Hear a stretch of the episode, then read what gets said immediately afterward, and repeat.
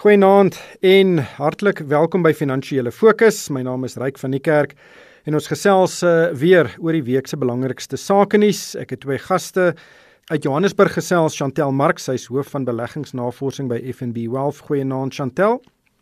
Goeienaand Ryk en goeienaand aan die luisteraars. En uit die Kaap gesels Amri Thomas, hy's 'n portefeuljebestuurder by Abex Beleggings. Naam sê Amri. Naand ryk, naand luisteraars. Chantal, ek wil by jou begin. Ek dit was nou nie 'n uh, week waarin daar groot stories was nie, maar die rand het nogal die opskrifte gehaal want uh, dit het taamlik verstewig teen meeste geldeenhede veral die grootes en teen die dollar het ons op 'n stadium na die 14 rand vir 'n dollar vlak so geloer loer ons kon nou nie deurkom daardeur nie wat is die redes vir hierdie oënskynlike sterker rand kyk reg, dis 'n kombinasie van faktore. So ek dink eerstens is daar algemene markpositiwiteit wêreldwyd wat aanvraag na ontleikende markte verhoog. En as gevolg van die rand wat wat likwid is en ons finansiële markte wat redelik diep is, sal ons wen wanneer finansiële kondisies so is. Die ander rede hoekom ek dink die rand baie sterk is en en 10 teen 1 die hoofrede hoekom die rand baie sterk is, is die die handelsbalans. So uh, invoere is nog onder redelik baie druk as gevolg van 'n papperige plaaslike ekonomie, maar kommoditeitspryse is baie hoog en dis word produksie en uitvoere van metale en minerale opwaarts gedruk deur mynmaatskappye en dit veroorsaak dat daar meer aanvraag is na rande want hulle kry natuurlik baie meer dollars in hulle koffers wat hulle wil omskakel in rande omdat dit die die geldeenheid is waarna hulle um, besigheid doen. So ek dink dit het regtig 'n 'n baie groot impak en dan seker sekerlik tweedeliks is dit maar kapitaalvloeye of portefeulje soos wat mense dit noem van buitelandse beleggers se kant af. Ja, soos uh, as ek nou jou reg verstaan, indien die ekonomie nou begin groei en momentum kry, kan daar dalk 'n verswakking in die wisselkoers wees omdat dit sal meebring dat daar meer invoere gaan wees. Ja, kyk, dit is een ding wat kan gebeur, maar as die ekonomie begin groei en dinge begin beter gaan, kan ons ook meer buitelandse belegging miskien aantrek en dit kan dan weer 'n versterkende impak op die rand hê. So ek dink op die oomblik is die is die rand redelik sterk en ek dink hy kan dalk vir 'n rukkie uh, redelik sterk bly as gevolg van hierdie dinamieke wat op die oomblik uitspeel. Ek dink langtermyn is die is die rand in sy wese 'n verswakkende uh, wisselkoers net as gevolg van die feit dat ons inflasiekoers baie hoër is as wat dit in ander lande is. So ek dink langtermyn sal die rand weer verder begin swak, uh, begin swakker uh, word soos wat hy maar oor die laaste 10, 20, 30 jaar dalk eers dalk hmm. selfs langer verswak het, maar definitief korttermyn dink ek is daar rede om om positief te wees oor die die sterkte van die rand. Ja, interessant genoeg, ek, ek dink met die bekendmaking van die Amerikaanse inflasiekoers uh, hierdie week is die diferensiaal tussen ons inflasiekoers en die Amerikaanse inflasiekoers op 'n 15 jaar laagtepunt. En uh dit is die naaste wat hulle aan mekaar was in 15 jaar. Uh, ek weet nou nie meer of die wisselkoers omsteur aan die inflasie diferensiaal nie, maar dis nog 'n interessante ontwikkeling van die week. Amri, hoe sien jy die wisselkoers? Nee, ek dink Chantal het dit baie goed uh, uitgelig uh, reik. Ek dink 'n uh, addisionele een of twee punte is dat as mens kyk na die ander ander opkomende markte is dit is alles natuurlik relatief. En op die oomblik is ons die hoe sal ek sê die langste dwergie uh, in in in daai line-up. En so ons lyk baie beter as as van die ander opkomende markte. En dan natuurlik ons ons uh, re, uh, ons rentekoerse op 'n relatiewe basis is nog steeds aantreklik uh, teenoor wêreldrentekoerse. So dit veroorsaak dat uh, kapitaalvloeye daarom nog steeds na ons toe kom. En wat gewoonlik gebeur is as die rand verswak dan wil almal hulle geld net uitvat en uh, dis uh, groot kapitaaluitvloeye en nou dat die rand versterk nou is beleggers baie meer gemaklik om hulle rande uh, in Suid-Afrika te hou. So dis eintlik die teenoorgestel as wat mens verwag, maar dis gewoonlik in 'n krisis wat beleggers besluit nou maar nou moet ek my geld uitvat en en op die oomblik het daai sien ons dat daai vloeye baie uh, afgeneem het. Ja, dis nie die eerste keer dat dit gebeur nie en verseker nie die die laaste keer nie. Ek dink baie mense se beleggingsstrategie is te veel op emosie ge gegrond en dit is natuurlik die gevaarlikste ene. Maar Omri, ek bly sommer by jou. Iets wat ook vir my uitgestaan het hierdie week is die hofbevel wat die Pretoria se Hooggeregshof uitgereik het en dit daardeur wil die hof die regering verplig om sy basiese dienslewering in die Lekwa of Standerton munisipaliteite verbeter. Die aansoek is deur die hoenderprodusent Astral Foods gebring. Hulle het 'n groot hoenderaanleg daar in die in die gebied en hierdie aanleg wat hulle het is regtig word geraak deur die swak dienslewering. Hulle moet self water en vragmotors aanry. Hulle moes ook alself met Eskom onderhandel sodat hulle krag nie afgesny word nie. En hierdie hofbevel kan dalk as 'n bloudruk dien vir hoe ondernemings in plattelandse gebiede waar dienslewering tot 'n stilstand gekom het dalk bietjie uh, aksie kan neem. Ja, reg, dit as mens nou kyk wat Astral al alles moes doen. Hulle het eers 'n baie koöperatiewe benadering gevolg en en regtig probeer om die plaaslike regering te help. En en daar het niks van gekom nie. So Astral het al miljoene en miljoene verloor omrede daar nie net basiese dienslewering was nie. So ek dink Chris en sy span het het so lank uitgehou as wat hulle kan wat hulle kon en dit is dit hulle is absoluut reg. Dit is net 'n basiese dienslewering wat deur die regering en plaaslike regering uh, ge, gelewer moet word wat wat nie plaasvind nie. Nou ons weet dit, dit is eintlik die situasie in vele meer munisipale en plaaslike regerings. So hopelik is soos jy sê dien hierdie as 'n blou druk vir vir wat met ander munisipaliteite kan gebeur. Ons het ons het al gesien dat daar munisipaliteite is waar die waterwerke en rioolwerke deur die publiek oorgeneem is en wat daar 'n wesenlike verbetering is in in dienslewering. So ek dink dit wys weer eens as daar nie 'n uh, 'n behoorlike dienslewering is van staatkant af nie, kyk dan om dit te privatiseer en gee vir die mense wat wat omgee daaroor en dan gaan jy dadelik sien dat dienslewering uh, verbetering, maar ek dink dit is 'n dis 'n baie positiewe uitspraak wat wat uh, nogal groot gevolge kan hê. Ja, ek het in die week met Chris Kutte gesels, die uitvoerende hoof van Astral en iets wat baie interessant is hier is dat die staat het nie die aansoek teengestaan nie. En dit bring 'n hele paar interessante regsaspekte uh, na vore in die toekoms en ons sal dit moet dophou want ek dink daar is sekere beperkings op uh, toekomstige appelle teen die hofbevel, maar ons sal dit fyn dophou. Chantel, ek wil ook gesels oor Capitec. Nou Capitec is een van die grootste entrepreneursiese suksesstories in Suid-Afrika. Ek dink die bank is hier omtrent in 2000 op die been gebring. En vandag, 21 jaar later, het die groep bykans 16 miljoen kliënte en dit beteken vir elke 4 mense in Suid-Afrika het een van hulle 'n Capitec bankrekening en hierdie aantal bankrekeninge by die by Capitec groei skynbaar met 200 000 'n maand. Hoe vertaal 'n mens dit in beleggingsaantreklikheid?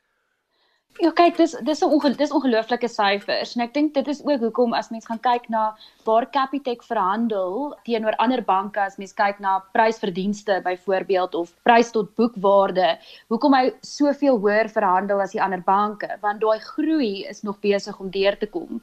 200 000 addisionele kliënte 'n maand is is merkwaardig, veral as mens dink aan hoe kompeterend die bank uh, die bankindustrie in Suid-Afrika op die oomblik is.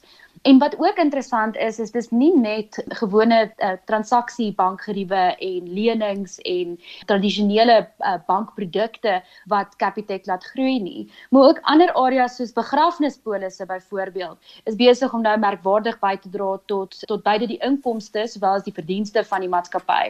En ek dink as hulle kan aanhou om so te diversifiseer, behoort hulle nog verder en nog vinniger te kan groei, uh, ten, ten minste in die volgende 5 tot 10 jaar. Ja, ongelooflike suksesstorie. Uh, Omri, jou gedagtes oor Capitec? Ja, reg, ek dink ek dink Chantal is is reg en en wat die bank ongelooflik goed gedoen het. Hulle het verskriklik gefokus gebly op hulle kernarea wat die lae inkomste of lae tot middel inkomste mark was uh tot dusver en hulle het dit eenvoudig gehou, hulle het lae koste gehou.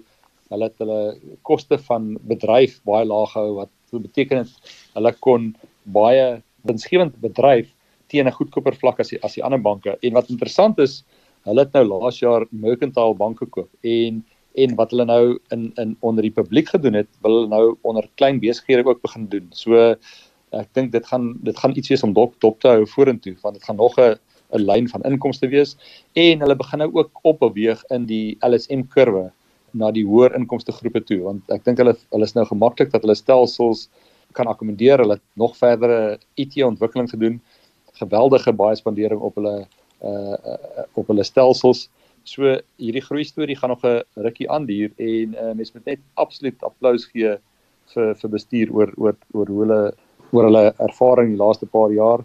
En en hulle hulle bly op daai traject. So ek dink uh, dit gaan nog geruk wees dat ons uh, goeie resultate sien van Capitec. Ja, en ek dink soos jy nou gesê het, baie mense dink Capitec dien net die onderkant van die mark. Dis nie die geval nie. En die tweede punt is dat baie van die kliënte wat hulle nou bykry kom van ander banke af en van die groot tradisionele banke af en uh, baie mense voel net die koste strukture is baie meer aantreklik by Capitec 'n ongelooflike suksesstorie. Maar Chantel van een bank na 'n ander bank en dit is Absa wat hierdie week sy geldmarkfonds gesluit het. En dis 'n groot fonds, hy is omtrent 86 miljard rand se bates was onder bestuur. Die fonds is in 1997 gestig en dit het 'n jaarlikse gemiddelde groeikoers van 8,8% behaal wat hoër was as die maatstaf oor daardie tydperk van so 7,9%. En toe kondig Absa aan hulle gaan hom sluit want hulle het navorsing skynbaar gedoen wat bevind het dat beleggers in die fonds dink Hulle kapitaal en opbrengste is gewaarborg. Nou dit is natuurlik nie wanneer 'n effekte trust, maar toe kondig hulle die die sluiting aan en toe wil hulle glad nie met die media praat nie. Hulle sê net uh, die verklaring is voldoende en en daar was by by ons hier by Moneyweb en by RSC geldsaake het baie mense navraag gedoen oor oor hierdie besluit want dit is 'n bietjie van 'n vreemde een. Eh, wat het jy daarvan gemaak? Ja, ek het ook nogals gedink dit is vreemd, veral dat veral dat hulle vir al die redes wat hulle voorgestel het. So hulle het gesê soos wat jy genoem het, dat daar verwarring is dat dat kliënte dink dat hulle ehm um, deposito's word gewaarborg deur deur Absa wat nie die geval is nie. Nou wat gebeur by ander banke of wat ander banke byvoorbeeld gedoen het met hulle geldmarkfondse wat wat ook effekte trust is en ook nie gewaarborg word deur die bank nie, is hulle het net die naam anders gemaak. So hulle het byvoorbeeld in plaas van Netbank is dit Netgroup, in plaas van Standard Bank is dit Stanlib. En wat Absa nou gaan doen is hulle gaan 'n nuwe fonds begin wat ek dink dis die Absa Prudential Fonds. Prudential Geldmarkfonds wat wat basies dieselfde tipe fonds is, hy het net 'n ander naam. Nou jy kan natuurlik ook 'n fonds se naam net verander en jy kan ook 'n verklaring aan jou kliënte uitreik wat vir hulle mooi uiteenstel dat hulle geld nie gewaarborg word deur die bank nie omdat dit omdat dit 'n effekte trust is. Maar hulle het gekies om die fonds heeltemal te sluit. Ek het 'n paar artikels opgetel wat sou voorgestel het dat Absa oorweeg om hulle batebestuurder te verkoop en dat die hoeveelheid geld in hierdie in hierdie geldmarkfonds dit bietjie uh, moeiliker gemaak het om die batebestuurder te bemark, maar ek weet nie hoe waar dit is nie. En dan dink ek daar's ook 'n 'n 'n regulasie 28 aspek uh, hieraan waar die nuwe geldmarkfonds die Prudential Fonds gaan regulasie 28 voldoende wees tot tot regulasie 28 waar die laaste geldmarkfonds nie was nie. En dan dink ek daar's ook 'n mate van van operasionele eh, faktore wat hier so 'n rol speel. Dink vir Absa maak dit baie meer sin vir die geld om op hulle balansstaat te wees net van 'n kapitaal en likwiditeitsperspektief af. En miskien deur om die geldmarkfonds te sluit, kan hulle 'n bietjie van daai geld weer terug op hulle balansstaat kry. So ek dink daar's 'n paar redes of 'n paar moontlikhede miskien, maar dit is baie moeilik as mens nie regtig die kommunikasie van die bank af kry of kan vra vra omtrent dit nie. Ja, as mens so kyk na die opbrengste van hierdie fonds Omri, dan was die prestasie van die fonds beter as hulle kommunikasie. ja, ja, reg nee, dit sou 'n regte opsomming wees. Dit is natuurlik seker die ek dink is die grootste effekte trust in in Suid-Afrika gewees. Absoluut 'n baie geweldige 'n sterk uh, handelsmerk in uh, met met daai fonds gehad. So die die die groot ding is uh dit skep kommer onder beleggers. Beleggers verstaan nie altyd hoekom so iets gebeur nie en dan en dan vrees hulle die ergste. Okay, daar het iets fout gegaan, dis kom hulle dit ontsluit. So uh, kommunikasie is is is krities. Nou ek dink hulle het met hulle kliënte gekommunikeer, maar as mense wat nie so bewus is wat in die mark aangaan nie en 'n kleiner belegger is, uh, gaan dalk sê maar, "Jesus, kom ek kom ek vat net my geld en en vat dit na 'n ander bank toe. Dit lyk of hier iets fout is."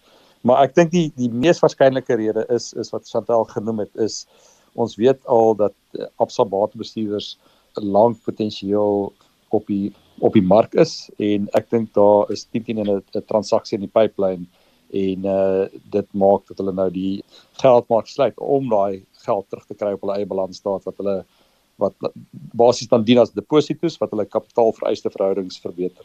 Ja, baie interessante gevalle studie. Dan omreek bly sommer by jou Anglo American is Suid-Afrika se grootste mynmaatskappy en die groep het hierdie week die laaste van sy steenkoolbedrywighede in die land aan sy aandeelhouers ontknoop. Dis deur 'n taamlike ingewikkelde struktuur in die groep het reeds in 2018 sy steenkoolmyne wat steenkool aan Eskom lewer verkoop en nou is die oorblywende myne was was die myne wat grootliks op die uitvoermark gefokus het. En dit volg ook nadat Anglo American uit die Suid-Afrikaanse goud bedryf uitgeklim het. So Anglo American is besig om homself te speen van Suid-Afrika af taamlik aggressief.